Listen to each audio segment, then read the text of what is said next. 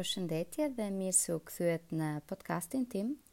Në podcastin e kaluar kam biseduar për lumturinë në përgjithësi, ndërsa sot do, do të bisedoj për lumturinë që është brenda nesh dhe çfarë është lumturia dhe pse ne vazhdimisht vrapojmë pas saj.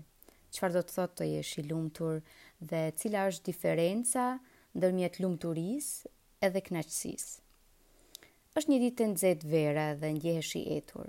Një shok të ofron një gotë me limonadë të freskët. Si ndjehesh kur e shikon gotën? Si ndjehesh kur e pin pijen friskuese? A do ta përshkruaje ndjesinë tënde si lumturi apo si kënaqësi? Besojmë se do të thuash se është ndjenjë e kënaqësisë. Ka një lidhje mes këtyre dy ndjenjave dhe disa herë njëra shkakton tjetrën, por ato nuk janë e njëjta gjë. Kënaqësia është vetëm e varur si pjesë e ndjesisë, ndërkohë që lumturia është e pavarur prej tyre. Kënaqësia është një ndjenjë e këndshme që vjen nga ngrënia e ushqimeve të mira, shikimi i një filmi të bukur, të ndjerit të ngrohtësisë përkëdhelëse të rrezeve të diellit në një ditë dimri, Kënaqja në mbrëmje.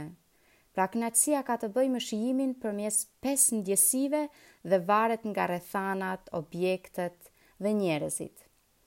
Kur je i lumtur, ngjarje të vogla të pakëndshme nuk të shqetësojnë. Kur je i palumtur, ndjen sikur çdo gjë është kundër teje. Duhet ta kompenzosh këtë duke ngrënë çokollata dhe ëmbëlsira, sepse kjo të jep kënaqësinë kur je ende i palumtur. Mund të pish një cigare, sepse të jep kënaqësi, por kjo, kjo gjë nuk do të thotë që të bën të lumtur, veçanërisht nëse pranon faktin se duhani nuk është i mirë për shëndetin tënd. Ka njerëz të cilët kanë frikë se nëse përjetoni lumturi, ajo do t'ju merret shpejt atyre. Ata e konsiderojnë atë si një gjendje të përkohshme edhe kanë frikë ta përjetojnë që të mos e humbasin. Në këtë mënyrë ata e shmangin dhimbjen që mund të ndjejnë kur lumturia largohet. Ata besojnë se lumturia është gjithmonë e ndjekur nga palumturia. Të tjerët mund të shkojnë në ekstremin tjetër që të mos e kërkojnë atë fare, sepse ndjehen të padenjë për të edhe preferojnë më mirë ta shmangin lumturinë. Por gjithashtu ka edhe njerëz të cilët gjithmonë shikojnë mbrapa kurrizit të tyre, duke pyetur veten nga mund të vijë goditja.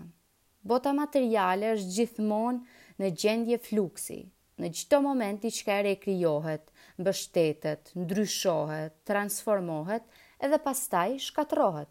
Është kjo dinamika e jetës. Kjo është gjendje normale e punëve edhe askush nuk mund t'i ndryshojë ato. Nëse e lidhim veten me një situatë të caktuar, jemi të kërcënuar të përjetojmë palumturi herët apo vonë. Asnjë situatë nuk mbetet ashtu siç është. Këto janë ligjet e natyrës. Kur rrethanat ndryshojnë dhe ndryshimet nuk na pëlqejnë, atëherë ne përjetojmë palumturi. Në anën tjetër, nëse praktikojmë veçimin, asgjë nuk mund të ndikojë në humorin tonë. Pastaj, ngjarjet e jashtme nuk kanë të bëjnë me punën tonë të brendshme dhe me paqen e mendjes. Që nga momenti i lindjes buron dëshira për lumturi dhe një garë e pafund drejt saj. Është konsideruar si një nga cilësitë pozitive më të mëdha. Nëse i analizojmë veprimet tona, shohim se të gjithë janë në një farë mënyre orientuese të lumturisë. Çdo njeri dëshiron të ndjehet mirë dhe i lumtur. Kur situatat dhe ngjarjet janë të pëlqyeshme për ne, jemi të lumtur dhe kur ato nuk janë, ne ndihemi keq. Lumturia është brenda nesh dhe është e arritshme, gjithsesi që është e arritshme. Në një ditë me re, reja mbulon diellin, por dielli, prapëseprapë është gjithmonë aty. Retë e mendimit, shqetësimet dhe dëshirat mbulojnë dhe fshehin lumturinë tonë. Ne duhet t'i zbërthejmë ato në mënyrë që t'i përjetojmë. Pastaj, lumturia e cila është e pandarë nga shpirti dhe që është gjithmonë aty, shkëlqen jashtë. Lumturia nuk është diçka e largët, e paarritshme dhe nuk varet nga rrethanat, objektet ose ngjarjet, jo pra si kënaqësia.